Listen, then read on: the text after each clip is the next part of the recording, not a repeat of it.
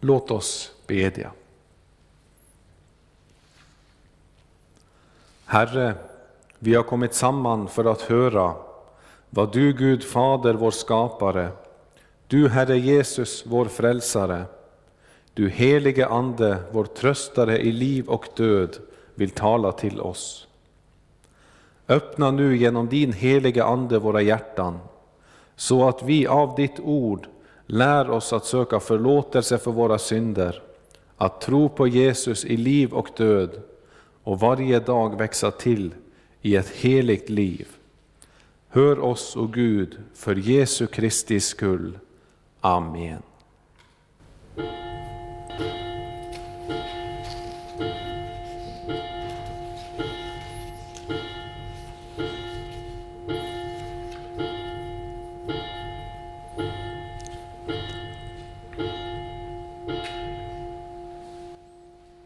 Så börjar vi vår gudstjänst med att sjunga på 537.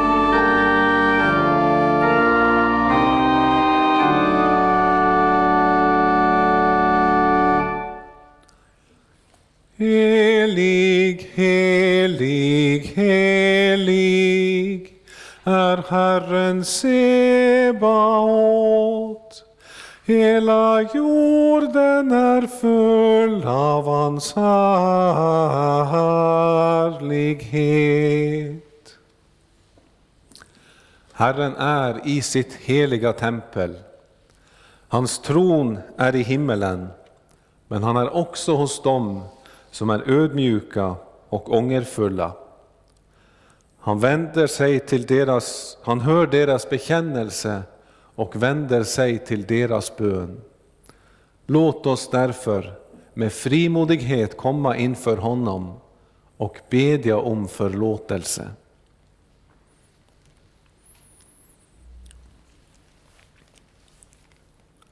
Jag fattig, syndig människa bekänner inför dig, helige och rättfärdige Gud, att jag som är född med synd på många sätt har brutit emot dig. Jag har inte älskat dig över allting och inte min nästa som mig själv. Mot dig och dina bud har jag syndat med tankar, ord och gärningar. Jag är värd att förkastas från ditt ansikte om du skulle döma mig som mina synder har förtjänat. Men du, käre himmelske Fader, har lovat att med mildhet och nåd ta emot alla som vänder sig till dig. Du förlåter dem allt vad de har brutit och försummat och tänker inte mer på deras synder. Detta litar jag på när jag nu ber dig om förlåtelse för min frälsares Jesu Kristi skull.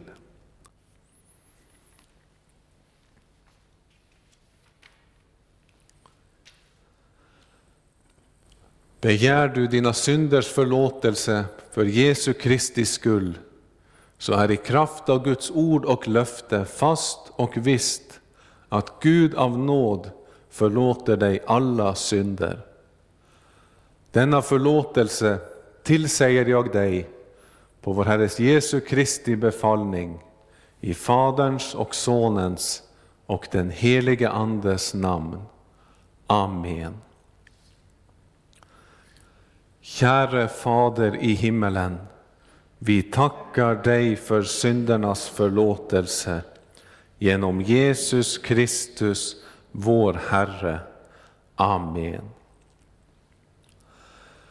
Helige Herre Gud, helige starke Gud, helige barmhärtige frälsare, du evige Gud, förbarma dig över oss.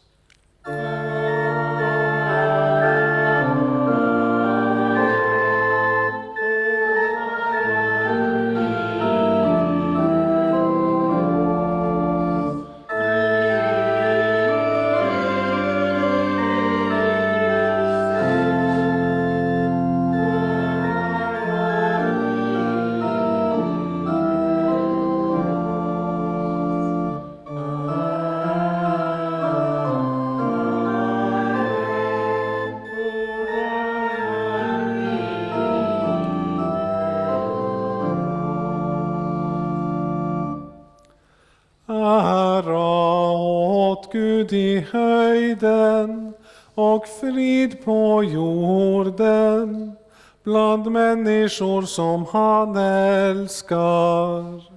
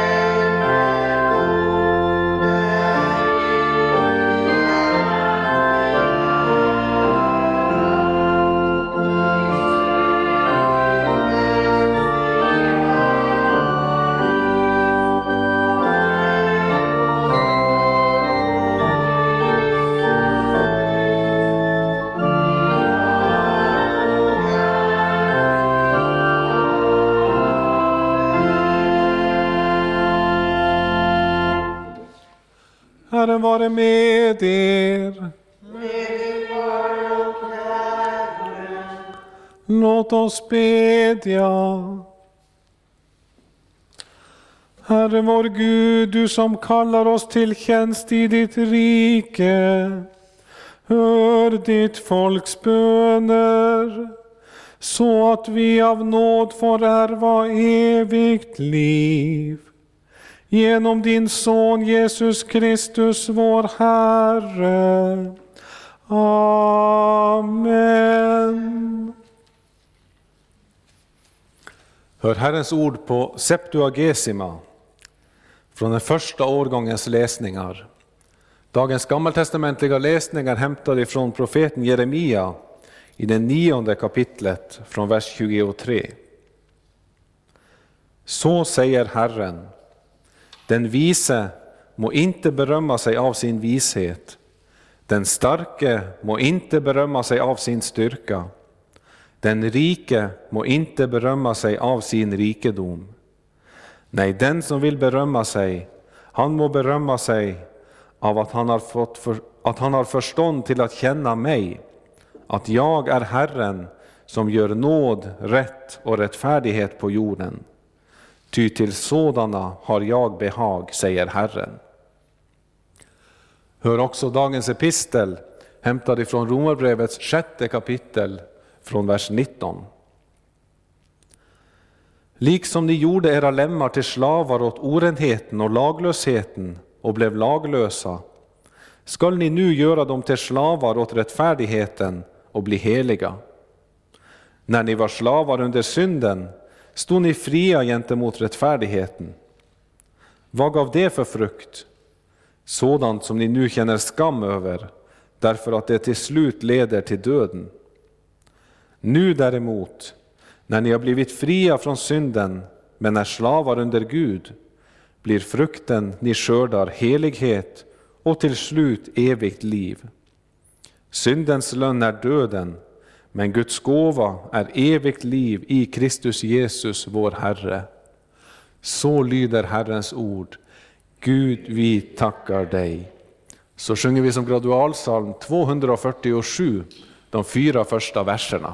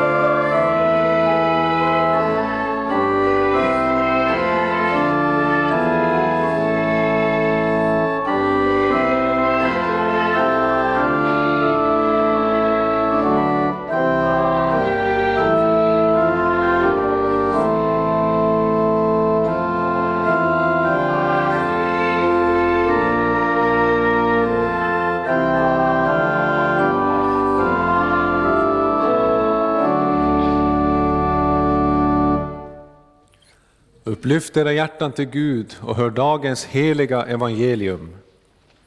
Så skriver evangelisten Matteus i det tjugonde kapitel från början. Jesus sade, med himmelriket är det som när en jordägare vid dagens början gick ut för att leja arbetare till sin vingård. Han kom överens med dem om en dagspenning på en denar och sände dem iväg sände iväg dem till vingården. Vid tredje timmen gick han ut igen och fick se några andra stå sysslolösa på torget. Till dem sade han, gå bort till vingården ni också, jag ska ge er skäligt betalt. Och det gav sig dit. Sedan gick han ut vid sjätte timmen och vid nionde och gjorde likadant. Vid elfte timmen gick han ut igen och när han såg några andra stå där sade han, varför står ni här hela dagen utan att arbeta? De svarade, därför att ingen har lejt oss. Då sade han, gå bort till vingården ni också. På kvällen sade vingårdens ägare till förmannen, kalla samman arbetarna och ge dem deras lön. Börja med dem som kom sist och sluta med de första. De som hade lejts vid den elfte timmen kom fram och fick en denar var. När sedan de första steg fram trodde de att de skulle få mer, men fick var sin denar det också.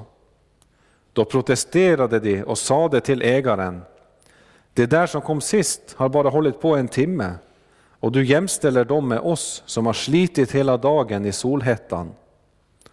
Då sade han till en av dem, min vän, jag är inte orättvis mot dig. Vi kom ju överens om en denar. Ta nu vad du skall ha och gå. Men jag vill ge den sista lika mycket som du fick. Har jag inte rätt att göra som jag vill med det som är mitt? Eller ser du med onda ögon på att jag är god? Så skall det sista bli först och det första sist. Så lyder det heliga evangeliet. Lovat vare du, Kristus. Låt oss tillsammans bekänna vår heliga kristna tro. Vi tror på Gud Fader allsmäktig, himmelens och jordens skapare.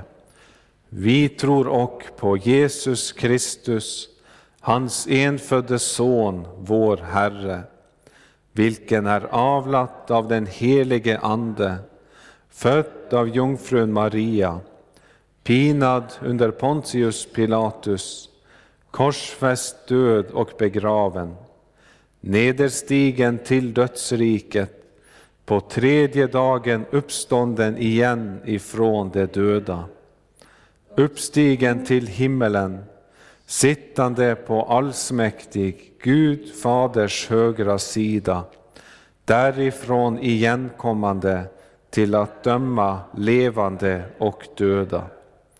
Vi tror och på den helige Ande, en helig allmännelig kyrka, det heligas samfund, syndernas förlåtelse, det dödas uppståndelse och ett evigt liv. Amen. Så sjunger vi före predikan 373.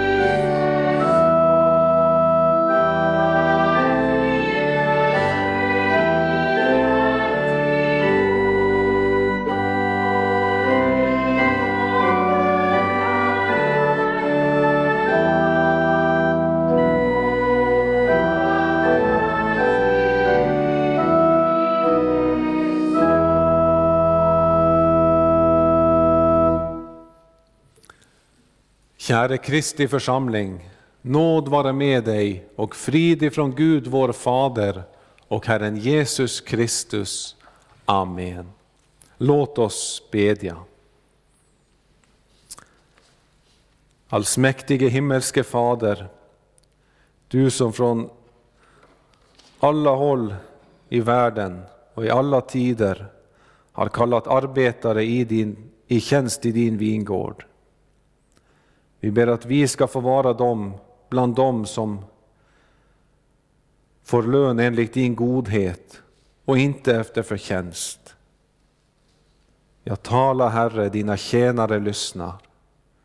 För Jesu Kristi skull ber vi. Amen. Innan jag börjar på min predikan idag så vill jag först säga några korta ord till de som är lite yngre och som kan följa med på streamen på skärmar hemma och så. Det som vi får höra idag är en liknelse som Jesus berättar om arbetarna i vingården. Och det som Jesus säger är att i himmelriket, alltså för oss såsom kristna gentemot Gud, så är det helt annorlunda än hur det är här i världen. I Guds rike så lönas det inte efter förtjänst, utan där får vi lön och blir betalt av Herrens godhet och nåd. Men i berättelsen som Jesus berättade så fick vi höra några som kom överens med Herren om vad de skulle få som lön innan de gick ut i arbetet. Och när de såg att andra fick mer än de förtjänade så började de knota och anklaga honom och krångla med honom. Och så ska det inte vara. Tänk om ni skulle, era föräldrar skulle fråga er om ni kunde städa rummet. Om ni då bara säger att ja, men jag ska ha 50 kronor annars vägrar jag städa rummet. Så är inte det så som ett barn förhåller sig till sina föräldrar. Eller om ni samlas på lördagen och ni och alla era syskon får samma storlek på godispåsen. Om ni då börjar knota för att ni tycker att ni har varit snällare eller bättre än de andra och vill ha mer än dem, så förstår vi att det är inte heller ett bra sätt att vara gentemot sina föräldrar. Och så är det i himmelriket också. Vi ska inte kräva av Gud att varje gång som vi går till kyrkan eller är snälla mot våra syskon, att vi då ska ha betalt. Utan vi ska göra det av kärlek till vår himmelske Fader och i kärlek till vår nästa. Och det är det som vi ska tala om i dagens predikan.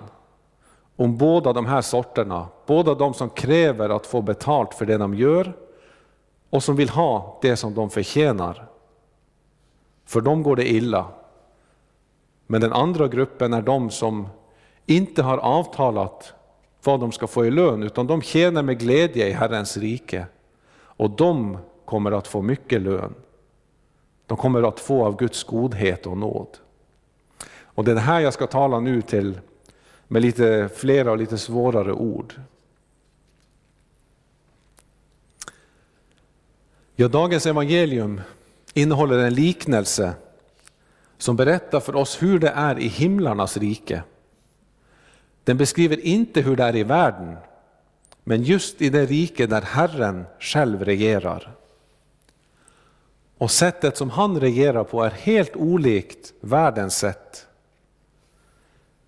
För vi vet att här i världen får vi lön och det som vi förtjänar för vårt arbete.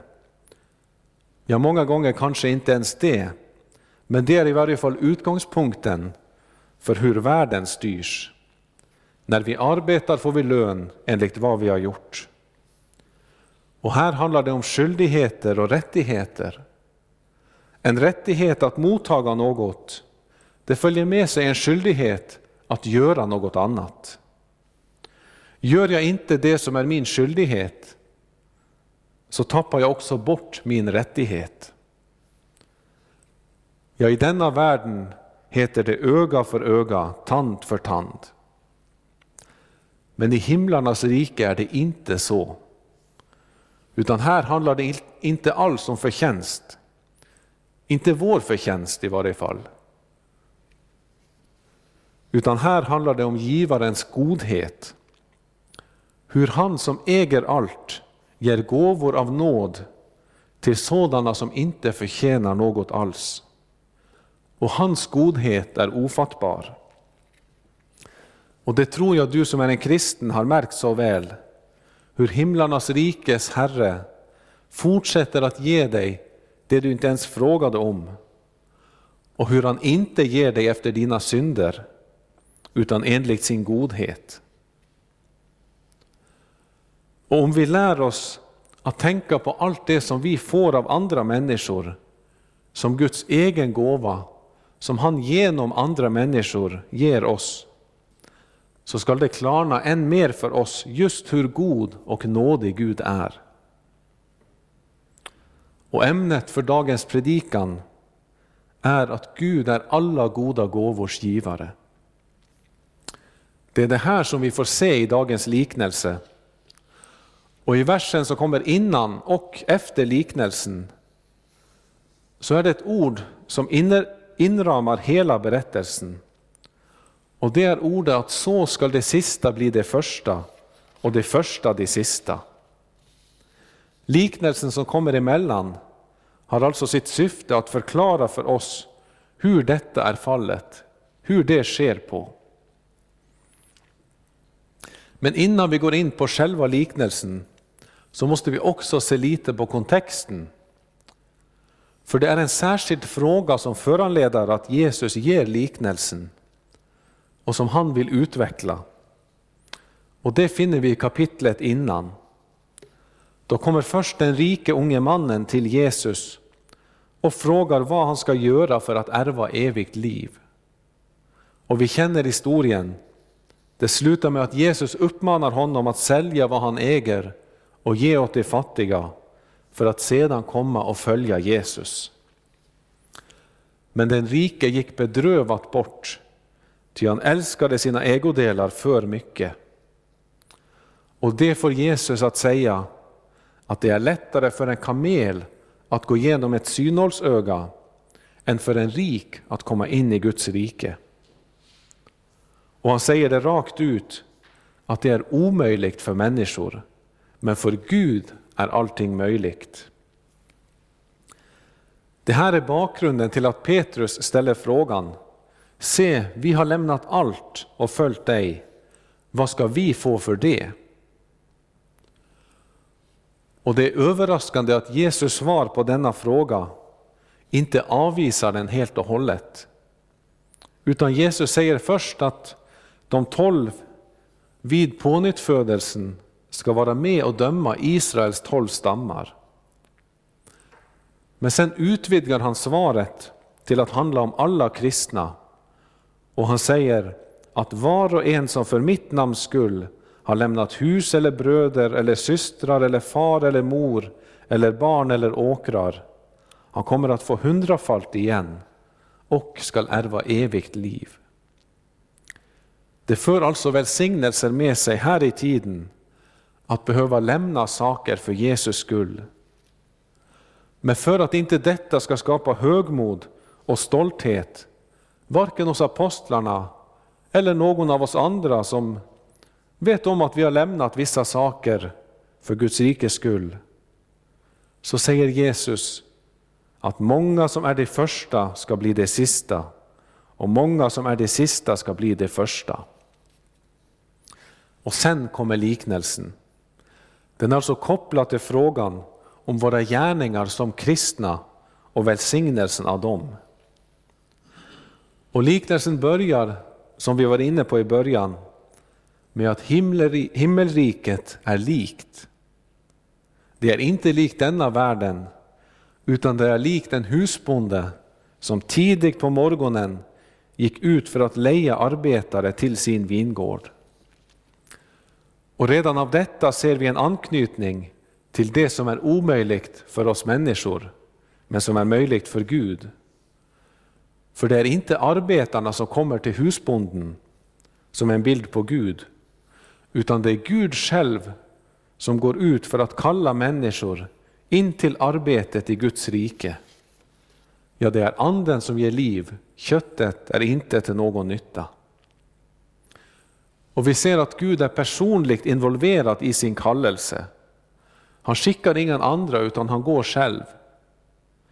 Ja, så mån är han om att kalla människor till sitt rike att så snart dagen lyser så är han på väg. Den första gruppen arbetare, de som blev kallade tidigt på morgonen, de diskuterar med honom om lön för arbetet. Och först efter att de hade kommit överens med honom om en denar, så går de till arbetet i vingården. Men Gud går ut också vid tredje, sjätte och nionde timmen och kallar människor till sin vingård. Men med dessa så diskuteras inte lön, utan husbonden säger bara gå till vingården och vad som är rätt, vad som är rättvist skall jag ge er. Och sen vid den elfte timmen, alltså en timme innan arbetsdagens slut, så gick husbonden åter ut och fann några. Och igen var det Gud som sökte dem, det var Gud som fann dem. Arbetarna själva stod bara overksamma och arbetslösa. Efter att ha förebrått dem för att vara sysslolösa hela dagen, så säger han, gå till vingården ni också. Men här är det ingen diskussion om lön alls. De får inte ens något löfte om lön. Men ändå gick de. Detta är liknelsen, eller händelserna. Och sen kommer andra delen när kvällen kommer och vingårdens herre kallar till sig sin förvaltare. Och förvaltaren är en bild på sonen, för det är han som är medlaren mellan Gud och människor.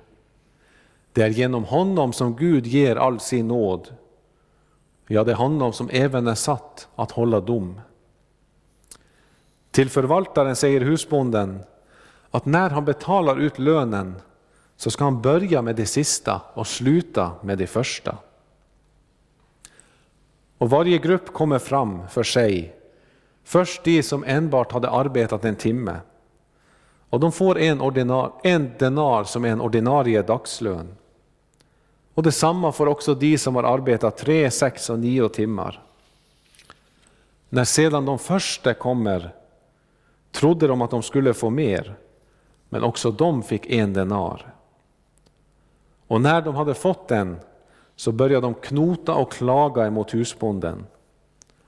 Och deras anklagelse är att husbonden har ställt dem lika med de första, dessa som har behövt stå ut med dagens slit och hetta. Dessa som vägrade arbeta för Herren innan de hade kommit överens om sin lön, de fick sin lön. De arbetade för sin lön och fick den.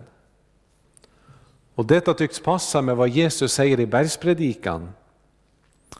Att när du ger en gåva, blås då inte i trumpet för dig som hycklarna gör i synagogorna och på gatorna för att människor ska berömma dem. Amen säger jag er, de har fått ut sin lön. Och när ni ber skall ni inte vara som hycklarna.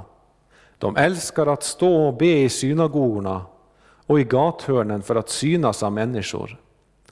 Amen säger jag er, de har fått ut sin lön. Denna första gruppen liknar hycklare som gjorde sin gudstjänst för timlig ära och då fick de också det i lön. Det står vidare i liknelsen att Herren svarade en av dem på deras klaga. Han svarade inte alla tillsammans. Och det ger oss alla en anledning att fråga oss själva, hur är det med vårt arbete i vingården? Vilken grupp tillhör vi? Tjänar vi för denaren som det första eller liknar vi det sista? Och det är en allvarlig fråga för det gäller evigheten. De första i liknelsen stod emot nåden och ville ha betalt enligt sina gärningar. Och även om Jesus säger min vän till dem, så är det helt enkelt bara ett sätt att tilltala någon. För när Judas förråder Jesus, så säger Jesus också till honom, min vän. Och detsamma gäller mannen i liknelsen som inte hade bröllopskläder på. För saken är att dessa första var ingen vän till Jesus. De älskade denaren såsom den rike unge mannen. Han som också i yttre mening hade följt Guds bud och hade levt ett fint religiöst liv. Och Herren säger till dessa första att han gör dem ingen orätt. De har kommit överens om honom med en, om en denar och den fick de också. Men som vi hörde från bergspredikan så följer det verkligen timliga välsignelser för tjänst i Guds rike. Och det kan vara ära, respekt och tacksamhet från människor. Man kan få goda vänner och en god gemenskap. Och man får uppleva en hög moral och ett sinne som bevaras från sånt som smutsar ner det och istället riktas emot det goda. Och i tillägg till allt detta så får var och en som behöver lämna något för detta arbetets skull hundrafalt igen, säger Jesus. Ja, ingen som arbetar eller ställer något av sitt eget till förfogande för Guds rike ska kunna säga att Gud är honom skyldig. Nej, alla får igen av Herren, också här i tiden på olika sätt. Och det är verkligen något att vara tacksam för.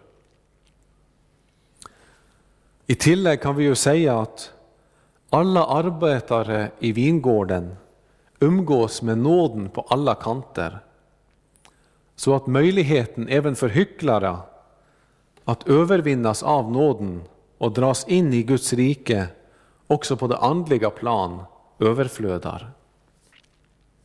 Men eftersom dessa första enbart krävde sin rätt och var fientligt inställd emot allt som heter nåd och gåva, ja, som även attackerar givaren själv, så visar det ett träldomssinne som inte arbetar för Guds skull, utan för sin egen skull. Paulus säger i Filipperbrevet om sådana att de får sitt slut i fördärvet. De har buken till sin Gud och sätter sin ära i det som är deras skam. Dessa som bara tänker på det jordiska. Och bland sådana finns det både präster, biskopar och påvar. För det är inte så att hycklarna enbart finns utanför den synliga kyrkan. För arbetarna i Guds rike är just en bild på den synliga kyrkan. Alltså alla som på yttre sätt kallar sig kristna. Ja, hycklare finns även i kyrkans rader. Därför är det just apostlarna som av Jesus får varningen mot att arbeta med det sinnet som hela tiden frågar, vad ska då vi få? Vad ska vi få? Denaren som de fick i lön, det kan inte vara det eviga livet.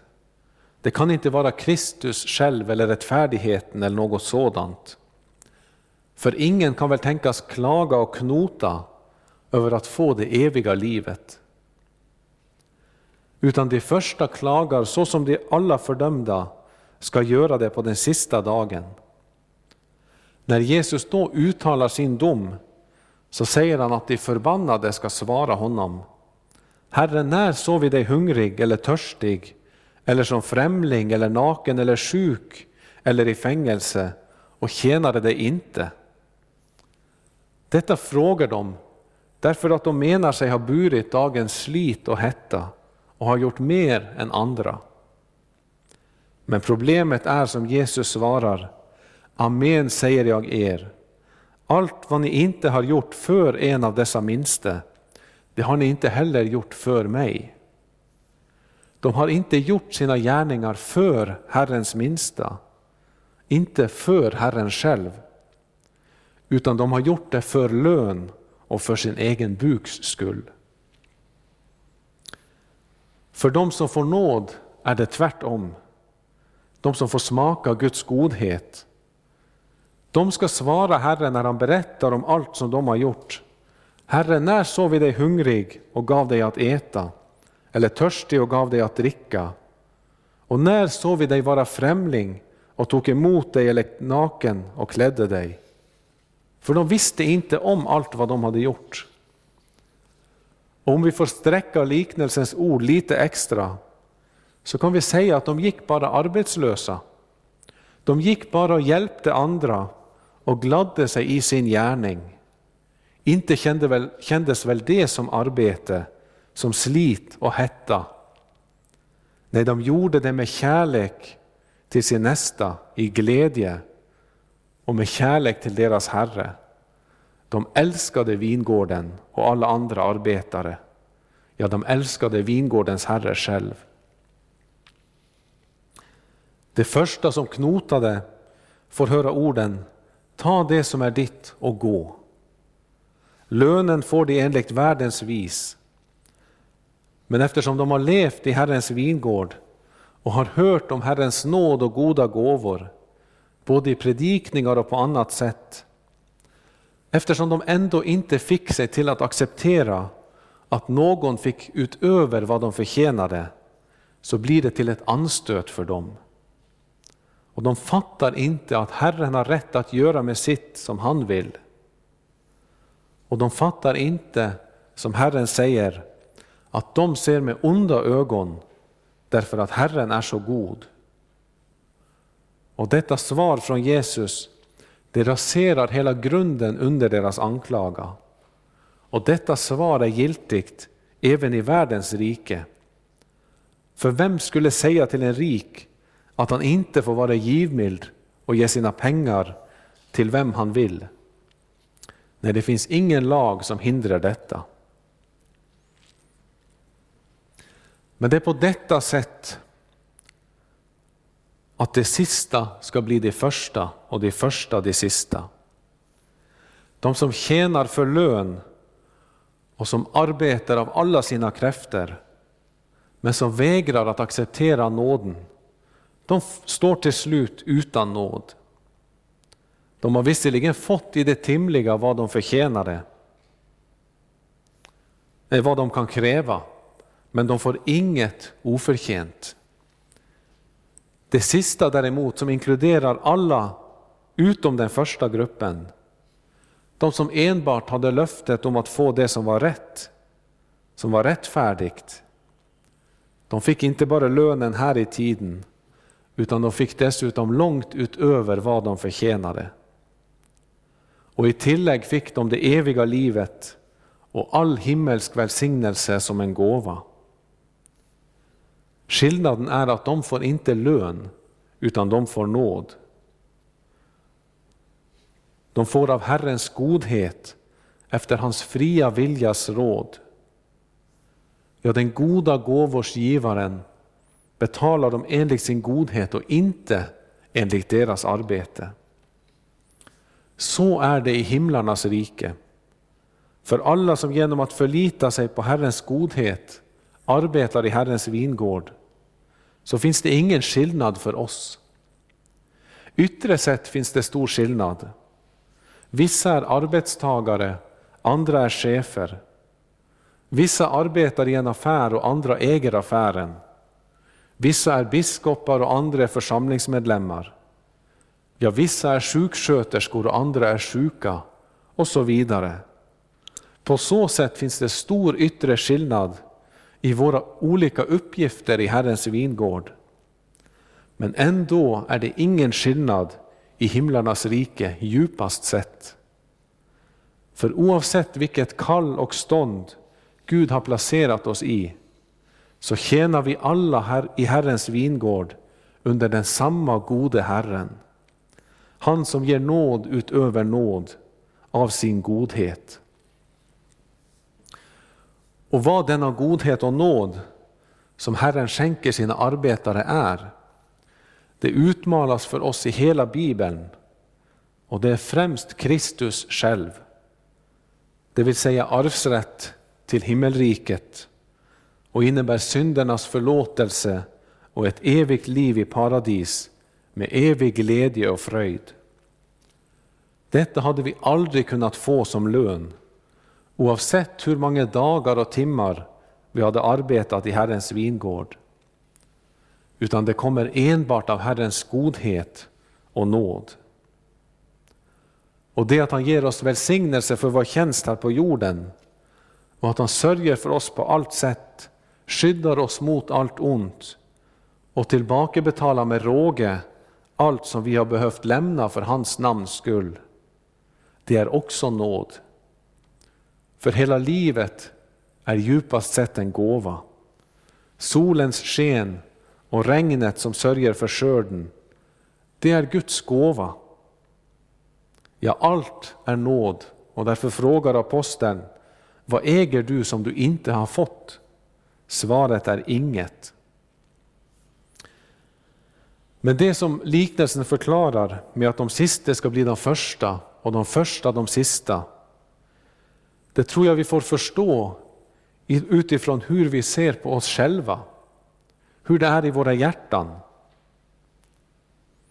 Om vi i våra hjärtan tror att vi är så mycket större, så mycket heligare, har uträttat så mycket mera för Guds rike än andra som yttre sett bara gjort småsaker, så innebär Jesus slutsats en allvarlig varning för oss. För det finns ingen nivå av helighet och fromhet som en kristen kan komma till, där inte faran för högmod och att kastas ut i mörkret inte finns. Tänk bara på den fromme farisén i templet som tackade Gud för att han inte var som andra människor. Och tvärtom så finns det heller ingen ställning som du kan vara i, där du har fallit så djupt i synd och elände och har gjort bort dig så totalt att inte kallet, uppmaningen och trösten om att det sista ska bli det första inte får räckas dig. För i himlarnas rike lönas det inte efter förtjänst så som i världen, utan efter Guds godhet och nåd. Och jag upprepar det för att vi tänker av naturen tvärtom. I himlarnas rike är inte ens den lägst fallna människan något hopplöst fall. Nej, Gud är alla goda gåvors givare. Vår helighet, vår tjänst och vår lön är allt av nåd. Och den som i egna ögon ser sig som den minsta av alla, därför att anden har visat honom mer av hans eget hjärtas ondska än den han ser hos andra människor. Han som därför enbart hoppas på Guds nåd, därför att han har inget i sig själv som han tycker förtjänar lön. Han ska bli glädjerikt överraskad när han en dag står för Guds tron och får se Herren göra med, med sitt enligt sin godhet. Han ska hämta tröst av Herrens ord idag. Men den som likt det första sitter och räknar på sina gärningar och kräver stor lön av Herren för sin insats i Guds rike, han ska akta sig han som ser ner på andra kristna och tycker sig själv vara bättre än dem. Han ska akta sig, ty han måste ödmjukas av Herren. Om inte den sista dagen för honom ska bli till evig skada.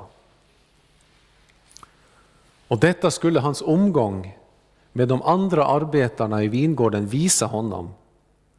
När han ser hur de enbart prisar den nådige gåvogivaren då kan han få ögonen upp för nåden och Guds godhet så att han får botfärdiga ögon att se på detta med istället för sina onda ögon. Bara då kan han bli positivt överraskad på den sista dagen. Och detta är omöjligt för honom, men för Gud är allt möjligt. Till slut, i Jesaja läser vi Mina tankar är inte era tankar och era vägar är inte mina vägar, säger Herren. Nej, så mycket som himlen är högre än jorden, så mycket är mina vägar högre än era vägar och mina tankar högre än era tankar.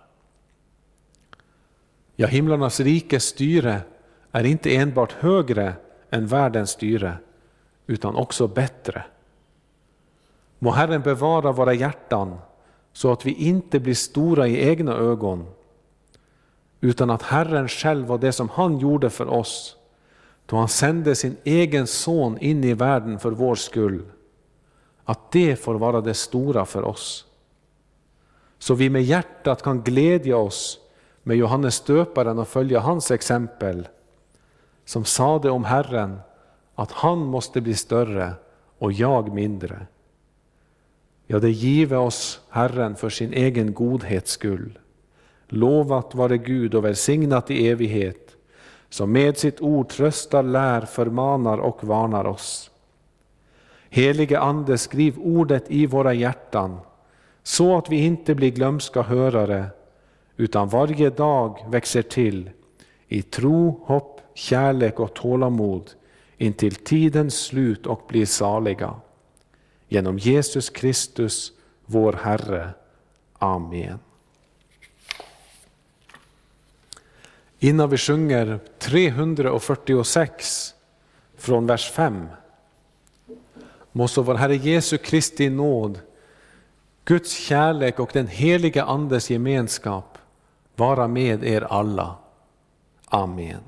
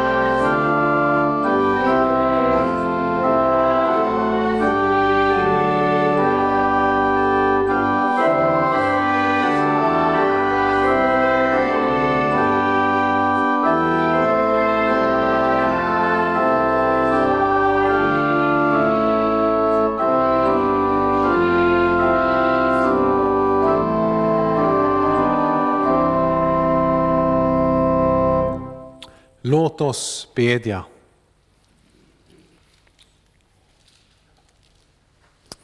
Herre vår Gud, vi ber dig, styrk och led din kyrka och samla ditt folk kring ordet och sakramenten.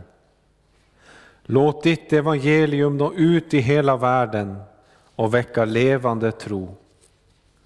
Ge dina vittnen kraft när de får lida för din skull. Skydda vårt land och ge vishet åt dem som har fått förtroende och ansvar i vårt samhälle, så de kan fatta visa och goda beslut till gagn för oss alla. Välsigna vårt arbete, ge världen fred och låt det onda hindras och din vilja ske. Ge oss dagligt bröd och stärk vår vilja att dela med oss åt dem som lider nöd. Låt våra hem präglas av sammanhållning, trygghet och kristen tro och gör vår församling till ett hem dit människor kommer för att höra ditt heliga ord, bedja om din hjälp och tacka för din godhet och kärlek. Jag kom, Herre, till de sjuka, sörjande och ensamma. Särskilt ber vi för dem som nu under denna coronatid är både blivit sjuka, sörjande och ensamma.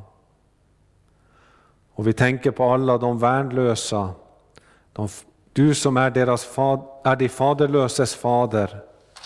Kom Herre till deras hjälp. Särskilt måste vi nämna barnet i moderlivet som inte har de rättigheterna som det skulle ha. Sänd oss till dem som behöver vår omtanke och vårt stöd. Följ oss hela livet med din nåd. Gör oss fasta i tron och låt oss till sist komma hem till din eviga glädje. Genom Jesus Kristus, din Son, vår Herre. Amen.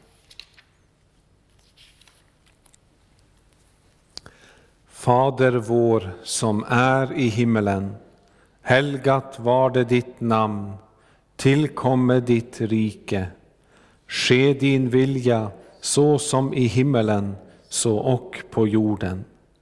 Vårt dagliga bröd giv oss idag och förlåt oss våra skulder så som och vi förlåta dem oss skyldiga äro och inled oss icke i frestelse, utan fräls oss ifrån ondo. Ty riket är ditt och makten och härligheten i evighet. Amen.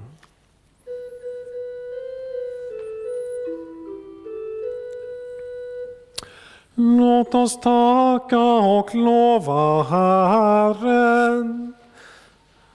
Tag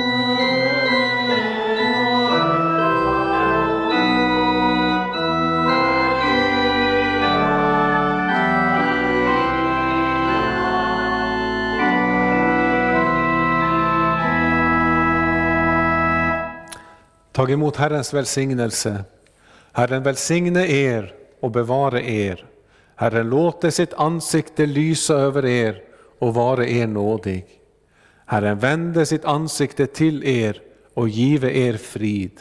I Faderns och Sonens och den helige Andes namn.